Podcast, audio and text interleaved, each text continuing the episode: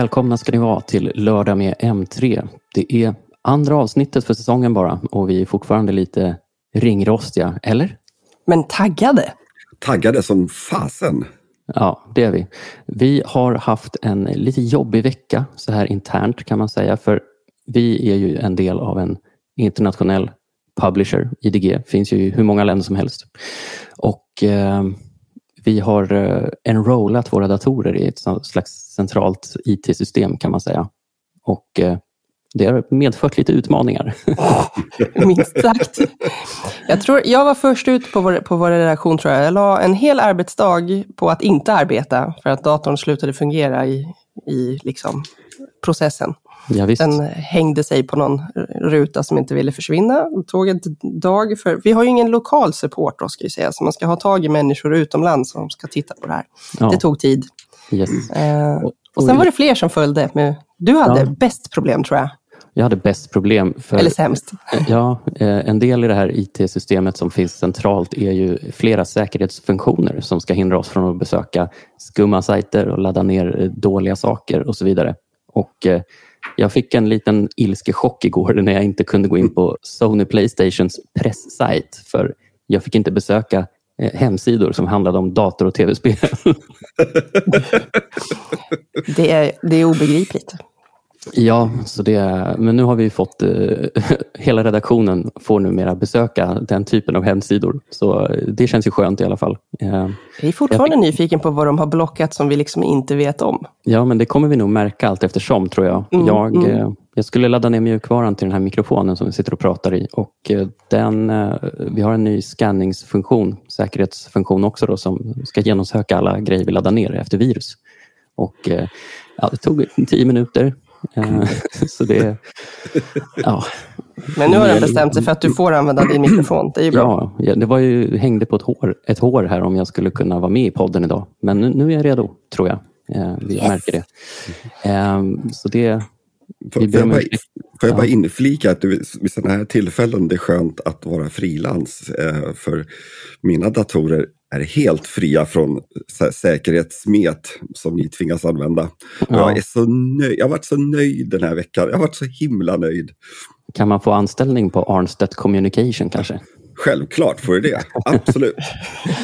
Ja, det, Jag, vill- jag vill också, jag hoppar. Jag har kommit fram till att jag ska, jag har, det här är nog det liksom, största företag jag har arbetat på hittills och det är eh, ju, det, jag förstår ju att det behöver bli lite strikta IT-regler det, ju större det blir på något sätt. Eller det blir fyrkantigare ju större det blir. Så note to self liksom, ta bara anställning på små företag framöver eller Precis. bli egenans, egenansvarig då. För det här med, ni kanske minns för ett antal år sedan, så på nästan alla företag så var det en jättestor trend med bring your own device. Eh, Just. Att man skulle få använda sina egna telefoner och datorer och så vidare. Det, eh, det känns inte riktigt eh, biod, det här nya systemet som vi har. Nej, tvärtom. Men jag tycker ändå det är jättekonstigt för en gång i tiden så var ju IDG gigantiskt. Alltså, det var jättest- alltså, det är ju inte lika många anställda idag som det var för 15 år sedan. Nej. Eh, och då hade vi ju inget eh, säkerhetssystem som, som de, nu har implementerat. Och jag har också jobbat på Apple, ett av världens största företag. Och där var det så här, nej, det är bara använd datorn som din egen. Ingen mjukvara skulle installeras eller någonting. Installera hur mycket virus du vill. Surfa snusk för hjärtans lust. Ja, vi hade, vi, hade, vi, hade, vi, hade, vi hade inte ens antivirus på datorerna. Nej, men Macka får ju inte virus. Nej, det är sant. Det är Eh, sant. ja, vi, eh, vi, vi har en agenda idag. Vi ska gå igenom lite saker som har hänt i veckan. Eh, vi, vi, ska också, vi tycker det är kul för vi har börjat få en del mejl och feedback och så där efter våra poddavsnitt. Eh, och det är ju ett kvitto på att vi växer. Det ser vi i statistiken också. Eh, nu har vi drygt 500 lyssnare per avsnitt, vilket känns jätteroligt. Mm. Ja. så vi började ju från noll får man ändå säga. Absolut, från noll, eller hur? Eh, Så 500 är inte alls dåligt. Eh, Vi kan se att kurvan går uppåt också för varje avsnitt som vi publicerar. Och det var kul att se att ni hänger kvar efter sommaren också.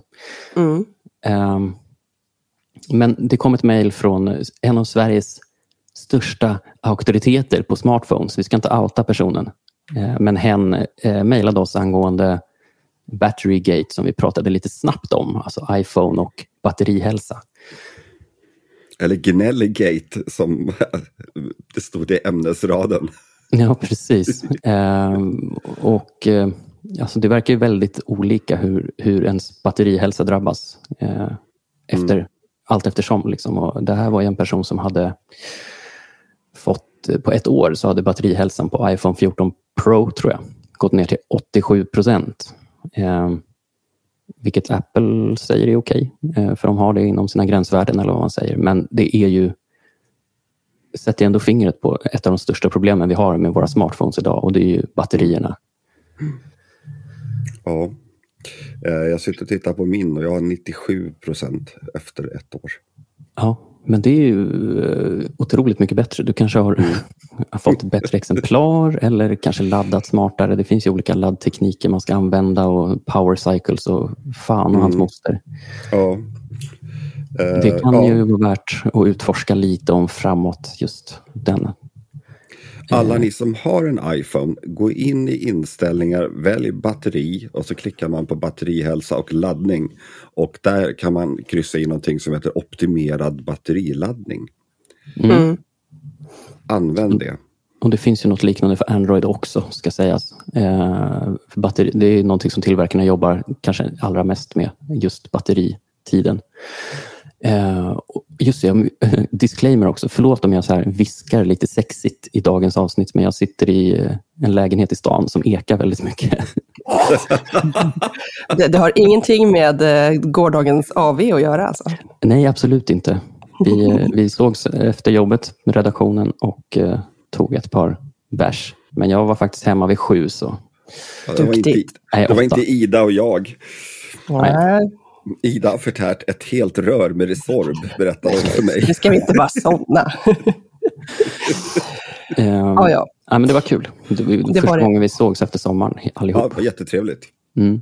Något som inte är lika trevligt det är att mobiloperatören Hallon, alltså dotterbolaget till Treva, Mm. De, ehm, det är deras lågprisbolag och de har ju ertappats nu för tredje gången med att använda personuppgifter som är kopplade till sådana här bedrägerier i sociala medier. Eh, för att kränga mobilabonnemang. Då. Du vet, hur fick du mitt nummer? Och så svarar de någonting. Och, ja. Um, och det här är ju, det härstammar ju, det är en Kalla fakta-granskning som, som har gått i flera delar nu. Uh, som visar att den här typen av giveaways och så här shady tävlingar på Facebook, uh, mm. ni har säkert sett dem. Uh, för att vara med och tävla och få saker som man aldrig får såklart, men där påstås det att man ska skriva in sina kontaktuppgifter ofta. Och då finns det mindre nogräknade, väldigt ljusskygga företag som säljer det här vidare. Då. Eh, och Det är så de försörjer sig på de här bedrägerierna och det är ju jävligt tråkigt att se alltså för tredje gången då att de har ertappats med fingrarna i in sån data liksom? Ja. Eh, det är ju så klantigt av dem också, alltså jag fattar inte. Nej. Hur, eh, hur svårt kan det vara? Och Det ska ju sägas att det är fler företag som har eh, råkat ut för det här. Alltså Vattenfall, Seymour, eh, stora företag då, som mm. samarbetar med den här typen av scam-säljare. Eh, och de, de säger upp det här samarbetet allt eftersom. Eh, och nu den här gången, tredje gången gilt och så ska det ha varit skit bakom spakarna hos någon återförsäljare som inte hade raderat nummer mm. som de skulle. Men ändå? Ja, ändå. Um, och vår favoritsäkerhets, IT-säkerhetsutbildare Karl-Emil Nicka uttalar sig för Kalla fakta. Då. Um, han, han, är inte glad. Nej, han är sällan glad. eller, eller, eller, imponerad. han är sällan imponerad, uh, men han är glad och trevlig att prata med. Uh, men hur som helst så Alltså det, han, han, blev bedrövad. Och, eh, när personuppgifter har spridits på det här sättet så är det väldigt svårt för en organisation att veta hur många led de här personuppgifterna sprids i. Mm. Och, och, om vi säger att de här personuppgifterna ska raderas, har vi då möjlighet att säkerställa att de faktiskt har gjort det? Frågar han sig. Och nej, alltså det, det är svårt. Mm. Vi, har, vi har ju GDPR och den här typen av regelverk på plats för att förhindra sådana här incidenter, men de händer ju ändå. Liksom. Men eh, alltså det är klantigt såklart, men den här gången måste det ändå ha varit an honest mistake eller vad man ska säga. Det är knappast så att Hallon sitter och bara hehehe, gnuggar händerna och bara nu ska vi använda scam. eh, Men, är det, men är det inte ofta så att de använder sig av externa säljbolag? Jo visst, det är väl det som har hänt här. Ja, och, och, och vad jag har fattat det som, det är ju ett allmänt problem för mobiloperatörerna att de, en del av de här säljare, jag hade ju en säljare igår från, ja, från tre som ringde mig och han helt galen. Eh, ja, men alltså på riktigt, det var så här, jag är inte intresserad. Och han bara fortsätter, jag är inte intresserad. Men alltså att det är ju ett problem att de då, Mm. alltså det har ju, det har ju hänt att de har lurat på äldre människor dyra abonnemang. Och Inte bara saker. äldre, de ringer också till lite så här äh, mindre företag och bara du, jag ser nu att du har chansen att förlänga ditt abonnemang. Då kan jag skicka med den här mobilen för så här mycket extra i månaden och så liksom som hoppar på. Eh, Det var folk typ så, så han inledde sitt eh, samtalet och just det här att han, jag, har, jag använder eh, Tele2 Mm. och, eh, och, och han liksom, det lät som att han var från Tele2. Det var liksom först efter typ så här 30-40 sekunder som jag frågade honom så här, men vänta nu här, Vem representerar du? jag jobbar du på Tele2? Nej, tre. Men då är ju frågan om han verkligen jobbar för tre eller för någon extern liksom, callcenter-grej. Det är ett säljbolag, det är jag helt Ja. övertygad om. Ja. Ja, det är besvärligt det där. Ja. Men den här lilla Tillbaka- soppan, ja. eh, Tillbaka till Hallon. Ja, tillbaka till Hallon. Jag vet inte om det finns mycket mer att säga. Det är ju, som sagt, det ser inte bra ut när man åker på det här tre gånger på ett halvår. Eh, men, men, men alltså det grundproblemet, eller grundproblemet är ju såklart att våra personuppgifter behandlas väldigt vårdslöst. Men eh, Ja. det börjar ju med att vi går på den här typen av scams på Facebook. Eh, När de utlovar elsparkcyklar, iPhones eller... Jag har till och med sett någon som cirkulerade nyligen om att man skulle få ett helt tiny house, alltså ett sånt här, Mm. ja, typ en glorifierad husvagn liksom. största, scammet i boken. Ja, Eh, verkligen. och, eh, men, Inget är gratis folk. Och så kan man ju liksom koka ner det ännu mer och säga att problemet egentligen är att Facebook, alltså det är omöjligt att stoppa den här typen av bedrägerier på Facebook verkar det som. För de, de, alltså, det är som ogräs, det poppar ju upp nya hela tiden. Liksom. Och uppenbarligen så är ju inte deras automatiserade detektionssystem tillräckligt bra för att, eh, för att hantera det helt enkelt. Det, det blir ju för mycket, för det ska ju inte finnas sånt här scam egentligen alls. Helst inte, nej, precis. Så ja, tråkigt hur som helst. Men nu går vi vidare och pratar om någonting annat. Eh, uppmärksammat i veckan är att Apple har skrivit under ett lagförslag angående right to repair, alltså rätten att reparera i Kalifornien. Eh, du får väl berätta lite om det tänkte jag Petter, för du skrev ju om det. Ursäkta att jag harklar mig lite här. Ja, alltså det är ju, alltså först och främst är det lite konstigt att just Apple går ut och, och alltså som första te stora teknikföretag och stöder den här lagstiftningen, Right to Repair, eh, SB 2, 244 eller vad den heter. Det låter som det här medel mot dålig andedräkt. SB12 eller vad heter det? Ja. Ja, ja det heter det. Ja, det. Ehm, men men, men i, i med det här då, det är ett, ett långtgående lagförslag som ger då konsumenterna rätt att kunna reparera sina telefoner, bärbara datorer och, och allt möjligt. Eh, och eh, som sagt, Apple säger då till, i ett uttalande till och med att eh, vi skapar produkter för att, för att de ska hålla och om de någonsin behöver repareras så har Apple-kunder ett växande utbud av säkra al- reparationsalternativ av hög kvalitet. Eh, och Vad, vad innebär ja, det på ren svenska då? Alltså de Bra har ju sitt fråga. självbetjäningsprogram, men Ja, är det så ja, tredje... ja, precis. Alltså, nej, jag, jag, jag vet inte fasen om det är ett spel för gallerierna eller vad det nu kan vara. Men, men, Ni vet den där så- äh, coola roboten de gärna visar upp på presentationer som kan typ plocka isär iPhones supersnabbt eller vad det är. Han kanske Men- de trycker in i en van och kör runt i Kalifornien hem till folk Fast som det- behöver hjälp att reparera sin... Fast den gör ju bara recycling, har jag för mig. Så att det är väl typ så här, om du Ja, vill ha just din det. telefon nedplockad i atomer, så då kan man då använda den där roboten. Eh, nej, men, alltså, om, men om de då om de stöttar det här så det, så det är väl jättebra. Jag vet inte, men alltså, det är de har ju svängt 180 iPhone 15 grader. kommer gå och renovera skitmycket, reparera skitmycket. Man kan plocka ut allt. iPhone 14 hade ju då den här eh, baksidan var ju eh, lättare att byta ut och reparera än vad de har varit tidigare. Mm. Eh, det gick de ut med i alla fall och sa. Eh, men liksom vad, det, vad det betyder i praktiken, det vet jag inte riktigt. Men Eh, jag tänker, en möjlighet är väl att de blir mer generösa gentemot alltså, tredje, alltså reparationsställen. Alltså det, det finns ju de som har licens av Apple och så vidare, men det kanske utökas. Eller vad? Kan det vara en möjlig... Nå, ja, ja, jag vet inte. Alltså det var väldigt, väldigt vagt det som stod här. Men, men alltså, samtidigt så har ju Apple det här att eh, det- de här serienumren då som är parade till eh, moderkort etc. Mm. Eh, skärmar och jag tror även nu datorskärmar. är ju samma, jag tror vi pratade om det vid något tillfälle. Just det. Eh, den eh, seri- serialization eller vad det heter. Mm. Så, och det går ju tvärt emot. För jag menar, alltså, alltså, om ett företag tycker att ja, du, du kan laga din produkt precis vad du vill, då ska man kunna göra det. Mm. Men de har inte sagt att det ska vara billigt. Nej. Så det kan ju fortfarande Nej. vara så att Apple säger jajamensan, det går att reparera våra grejer, men det kostar lika mycket som att köpa en Ja, ny. och där är ju också ett av problemen att eh, det finns ju undantag från right to repair eh, och, och, och det är ju att eh, om om det anses vara dyrare att reparera än att köpa nytt och skrota liksom, så får man ju göra så.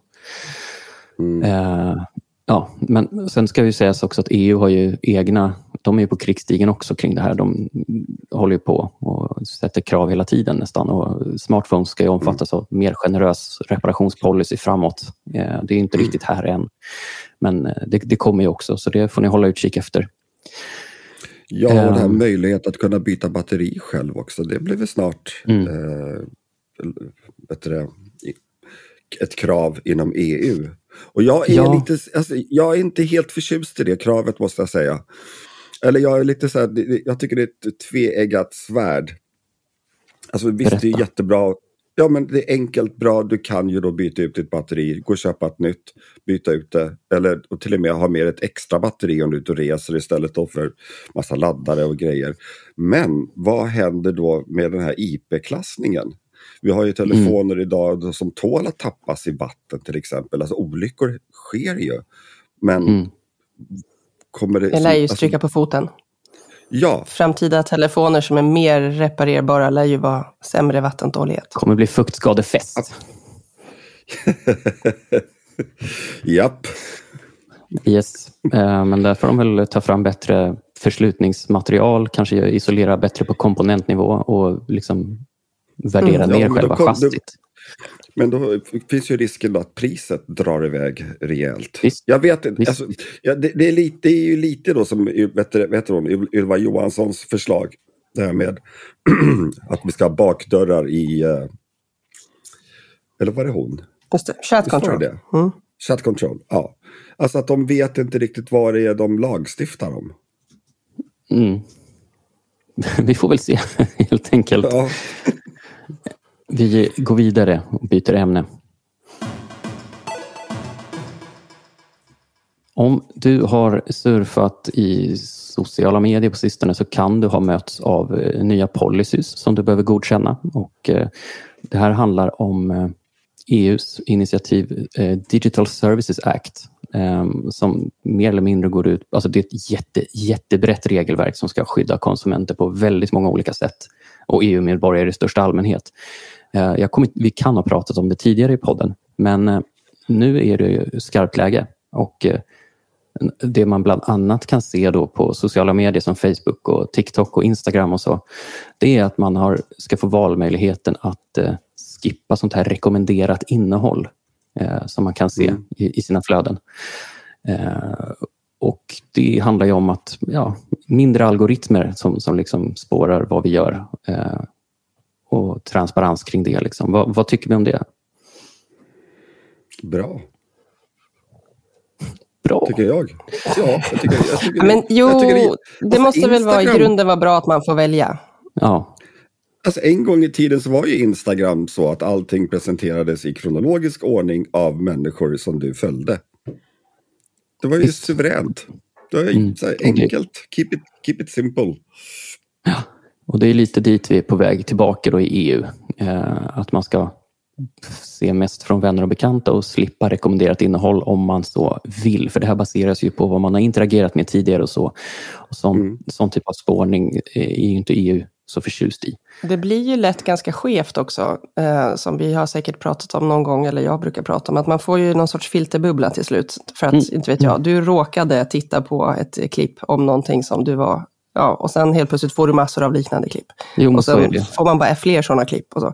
Jag har ju lyckats med, alltså vårt eh, M3-konto på Instagram har det konstigaste flödet någonsin. För att jag ibland råkar använda det själv när jag ligger mitt i natten och typ kan inte sova och slös, scrolla skit. Och så tittar man på M3s konto och så bara, hoppsan, jaha, nu får vi bara så här skum kändisskvaller-rekommendationer typ för att jag råkade titta på lite sådana klipp en gång. Stenhus på Gotland. ja, nej, det har, mer varit, det har varit mycket Barbenheimer förstås, för det har varit roligt att följa runt. Mm. Men ja, skitsamma. Det blir liksom så tydligt att så här, flödet blir så kraftigt påverkat mm. ju, ju, längre ner i det här scroll-reels-träsket du har tagit dig. Visst, och... och apropå, apropå Barbenheimer, har ni sett filmerna? Eh, bara, bara Oppenheimer. Okej. Okay. Jag måste göra det. Jag tyckte den var sådär faktiskt. Okay. Ja, men nu, på det, nu är jag på den här nivån att jag har pratat så mycket om det, så nu måste jag se dem bara för att. Mm. Liksom. Jag var inte jättesugen, men nu känns det som att det är en grej. Man måste se dem ihop. Mm. Men tillbaka till flödena. Eh, ja. Någonting som jag, en, en, praxis som jag har i sociala medier, när jag, just när det kommer till så här rekommenderat innehåll, det är så här, ibland blir man ju så less som man typ försöker städa och förvirra algoritmen genom att klicka på saker man vanligtvis inte hade klickat på. Bara mm. för att få lite mer balans i flödet. Liksom.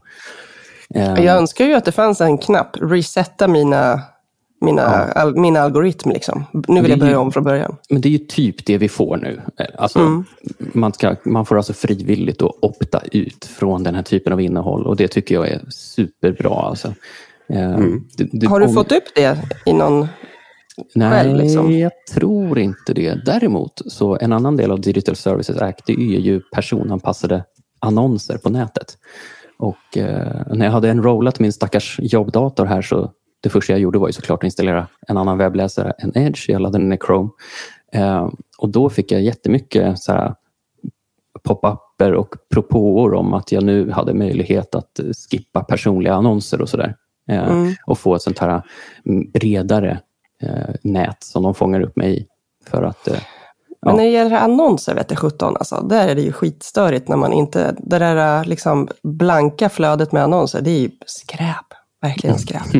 Och så fult allting blir. Ja, det finns ju en poäng med relevanta annonser såklart. Ehm, jag valde faktiskt att tacka nej. Jag vill fortsätta få personanpassade annonser men återigen så handlar det, Digital Services Act är ju väldigt baserat på samtycke och medgivande och att man ska ha alternativ eh, för att känna sig mindre eh, mm. algoritmstyrd online eller vad man ska säga.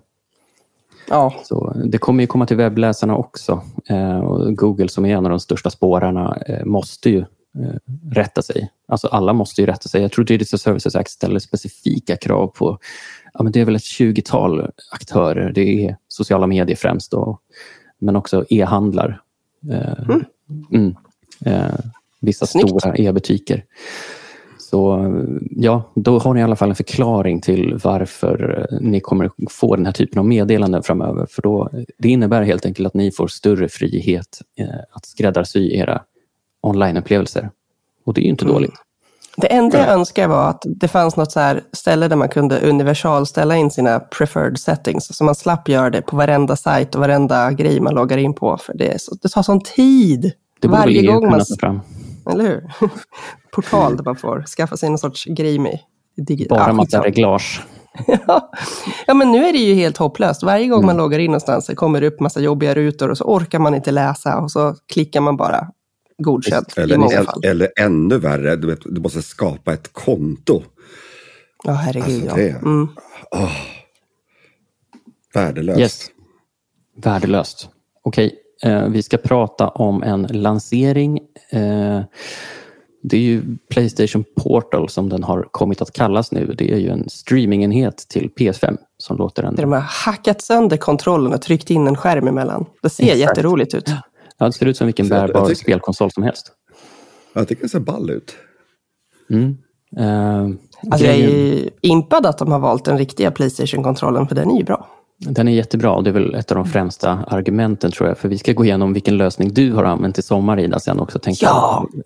För alltså, man ska kunna spela Playstation-spel i ett handhållet format helt enkelt. Och det, är, det är inte molnströmning utan du strömmar från Playstation-konsolen till den här enheten som du har i händerna, då, skärmen. Eh, behöver vara uppkopplad på samma nätverk och så vidare. Så det, det är inte cloud så. Men eh, vem, vem, vem kan tänkas vilja ha något sånt här? Ska ju sägas att det var inte en gratis lösning. 3000 spänn eller något ska du få punga ut för den där. Ja, Vad säkert. kostar PS5 idag? Oh, dålig vet. koll. Jag har ju snott redaktionens PS5. Så jag, jag vet inte eh, vad, jag, vad man jag betalar går in nu. lite snabbt och kollar på prisjakt så ska vi se. Men jag, under tiden kan jag ju absolut berätta att jag tror att många kommer vilja ha den här. För det är väl inte, alltså det är säkert många hushåll i och för sig som har jättemycket tv-apparater och grejer. Men man har väl oftast bara en PS5 och då, Mm. om den tvn råkar vara upptagen 6 000 med någonting spänn. annat. Mm. Ja. Så, så, Så 6 000, kanske man, alltså, eh, typ, nästan 10 000 för då att ha en komplett lösning. Mm. Ja, Mm. det Men då kan man i alla fall ta den här och sätta sig någon annanstans och gamea lite när tvn är upptagen. absolut. Och jag Ja, personligen eller man vill spelar, ligga i sängen och gamea. Jag spelar ju väldigt mycket handhållet. Eh, Nintendo Switch. Jag, jag, jag dockar nästan aldrig den och spelar på tvn. Jag, jag ligger på sängen och spelar och det kan man ju göra med den här. Mm. Eh, Men eh, ja, det blir väl ingen direkt Switch-utmanare med tanke på att det är olika spel och så vidare. Och Switchen är avsevärt mer medtagbar då med tanke på nätverkssituationen och så. Men du Ida, du har spelat Diablo 4.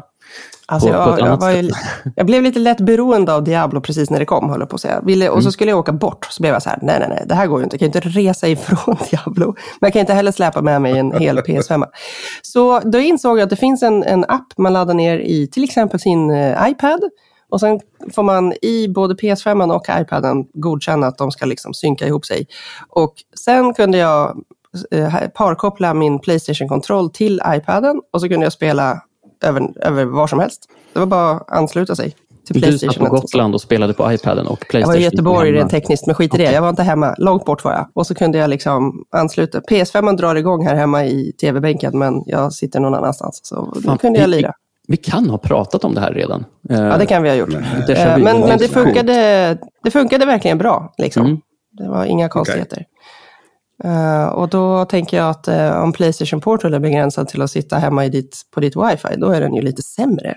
Absolut. Men, eh, men den är dock fortfarande en trevlig grej i de hushåll där tvn ofta är upptagen. Ja.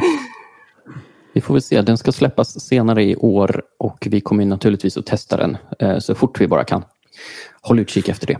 Mm. Men å, å andra sidan, alltså som Ida säger här, alltså om man har en iPad hemma och en Playstation 5, och då behöver man inte den här alls. Nej. Eller hur? Nej, alltså det, det är ju precis. Då har, då har man den. Då har man det.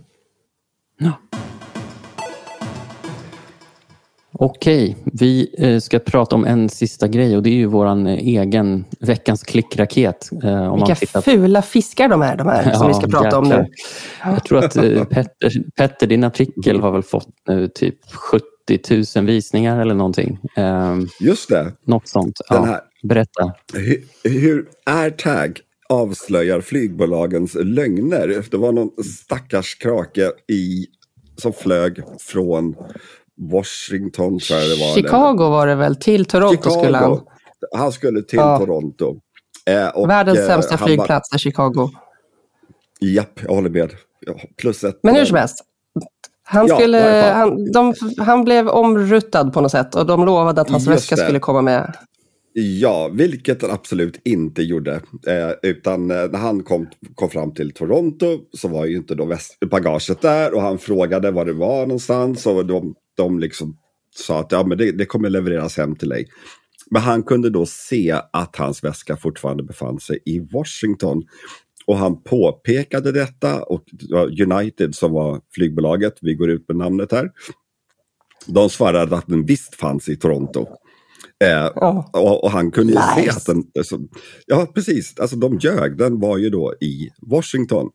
Och Efter flera om och hur- men. Då, så, Ja. Hur kunde han se det här? Berätta det. Han hade Ja, en man öppnar sin app. Man öppnar sin app i sin iPhone och så kan man se vart Ja. airtagen befinner sig. Uh, Hitta airtagen använder ju inte, den använder ingen GPS eller något, men den eh, använder andra appenheter i närheten för att rapportera sin pl- placering. Eh, Just så den här väskan hade väl tillgång till massa iPhones ändå och så kunde den tala om för ägaren att jag befinner mig i Washington på en flygplats. Eller. Och sen, så kom, och sen så kom det då fram till Toronto till slut och där då så snurrade den runt på en bagagekarusell i flera timmar innan då någon tog hand om den. Men alltså väskan lämnades obevakad i, 20, i 20, 24 timmar. Nice. Ehm, och, Och de påstod väl fortfarande att när som helst kommer den hem till dig och så gjorde den aldrig det. Nej, men då, då, då påstod de att, den var, att väskan var kvar i Washington fortfarande när den inte var det. Så han- alltså, de- gaslightning. Ja. Hur som helst, han stod på sig och han fick sin väska till slut. Eh, Ja, men Och, jag, det, ska, det här är ju det sjukaste av allt. Han var tvungen att åka tillbaka till flygplatsen, tvinga någon att eskortera in honom till bagageområdet, där han fick liksom gå med sin hitta-app. Bara, ping, ping, ping, och där borta låter det. Min väska ligger i den här högen. Eh, han sa att det var som att leta efter en nål i en höstack, fast airtagen hjälpte liksom till. Det här är det är ju jätte... första- alltså det, det är inte Nej. första gången sånt här händer heller. Utan det var ju då, någon annan då som hade tappat bort väskan. Och flygbolaget då hävdade att det så, nej, men den finns inte eller något sånt där. Och så visade det sig att de hade då skänkt den till någon sån här välgörenhet som skulle då sälja den. Alltså, Var det är AirTag också som avslöjade? AirTag avslöjade det och Lufthansa ville förbjuda AirTag. På Ja, det flyg. var förra året, var, eller var det tidigare i Ja. år kanske? Det var, Jag tror, de ville förbjuda AirTag. Ja, precis. De, vill, de ville Eh. sj- kunna fortsätta ljuga för sina passagerare. Ja, Nej, men de, de ville väl förbjuda den för att de var rädda för den här bluetooth-uppkopplingen, liksom, uppkopplingen, var det inte något sånt? Eh, Kanske. ja, men, Alltså, det, men det är ju så här low emitting bluetooth. Ja, jag vet. heter. Det var tramsigt. Så att, ja, faktiskt. Men Eh, summa summarum, alla borde ha en airtag i sina, sitt bagage. Mm. jag det- har lagt den i mitt bagage. Fatta vilken huvudvärk AirTag och liknande produkter måste orsaka flygbolagen när, när användarna börjar få bättre kontroll på sitt bagage än vad flygbolagen har. Ja, frågan är ju om United ljög medvetet eller om de bara inte hade någon jävla aning om vad väskan var. Liksom. Ja, men, men det spelar ingen roll. De borde ha koll på väskorna. Hur svårt ska det vara? Det är ju därför de sätter de jävla taggarna på alla. Mm. Och Alltså, jag, jag, det här, jag, jag, ja, förlåt. Det här. Lufthansa, Lufthansa Gate, det är ju också än idag inte riktigt klart om de ens riktigt visste vad de skrev. Det var ett Twitterinlägg tror jag, där de skrev Just det. att det var tillåtet. Sen så pudlade de ju omedelbart. Eh, fick ju väldigt mycket uppmärksamhet. Så, alltså, det, man ska kanske inte peka på att ja, de ville förbjuda det för de vill fortsätta slarva bort bagage i fred. Liksom, utan det, det kan ju vara att de inte riktigt visste vad de uttalade sig om. Helt enkelt. Absolut. Ja. Jag kan bara säga att jag flög till eh, e E3-mässan i Los Angeles en gång för många, många år sedan. Och när jag landade i, ja, i Los Angeles, då var mitt bagage borta. Ingen visste var det var någonstans. Eh, varje dag fick jag ringa till någon sån här människa som då säger att ah, nej, vi vet inte vad det är. Du kan gå och köpa kläder för 100 dollar. Så varje dag, då, varje, varje, varje dag fick jag börja med att gå och köpa rena kläder. Att ha, ha på mig. Och sen så kom jag hem. Och sen tog det väl typ kanske en vecka innan väskan Mm. dök upp. Tänk om var hade haft en två- alltså AirTag. Två veckor. Ja, då hade jag hade, kunnat säga det. Där är väskan. Men Hämta. Det verkar ju Ja. som att det är lite standard. Så fort du blir omruttad och behöver byta flyg eller något, då försvinner väskorna. Det är som att det bara verkar inte gå att få det att funka. nej, Det har hänt mig också många gånger. Hopplöst. Ja. Men på den positiva sidan, jag köpte massa roliga Hawaii-skjortor i Los Du Angeles. gick runt och såg ut som en sån här civilsnut. Ja. Men också en Exakt. konsekvens av allt det här är att när man ska flyga någonstans, då måste man ju alltid tänka igenom som att man har det livsviktigaste i handbagaget. För man Mm. kan aldrig riktigt lita på att väskan kommer med. Jag checkar aldrig in bagaget längre. Utan jag, jag packar superlätt och kompakt. Samma här. Men det kanske inte funkar Ja. om man ska emigrera till Nya Zeeland eller något.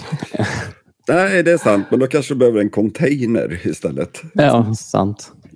Eh, Ja, och nu eh, börjar vi klocka upp här mot 35 minuter och jag tycker att det känns som en rimlig längd på ett avsnitt. Eh, Ja, verkligen.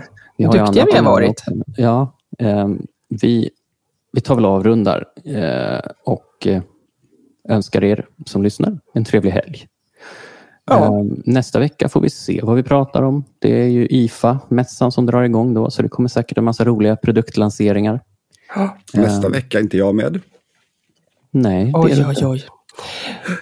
Varför? Men alla... Ja, just det. Berätta det Petter. Vad ska Ja. du göra? Jag ska sola. Jag ska ligga i solen Lyxigt. och, dri- och Men dricka om ni- margaritas. Om ni har lyssnat på avsnittet och har några tankar, åsikter, drömmar och funderingar så skicka in dem till oss. Det tycker vi är Ja, jättekul. snälla gör det. Vi, Ja. alltså, får vi feedback av er så, så kommer vi att inleda avsnittet med att prata om er- åtminstone en del av det som mejlas till oss. För det är ju faktiskt, Vi kan- vi, vill ju att ni är med. Och vi kanske till och med gör shoutouts. Ja, exakt. Jag vill göra en Eh, shoutout ja, en- till, vår kollega, till vår kollega Tors vars telefon har en batteritid på en halvtimme.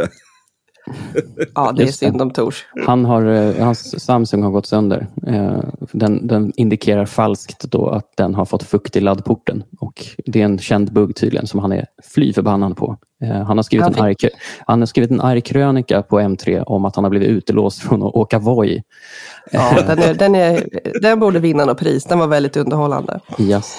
Men han har under tiden släpat, eh, grävt fram en OnePlus 3T, 3T. eller vad det var. Den är jättegammal så att det är därför den batteritiden är så dålig. Men jag måste säga att telefonen var chockerande snygg för att, Visst om man, var den såg den? liksom så liten och nätt ut jämfört med våra tegelstenar. Verkligen. Mm. Det var den gamla Nåja. goda tiden det.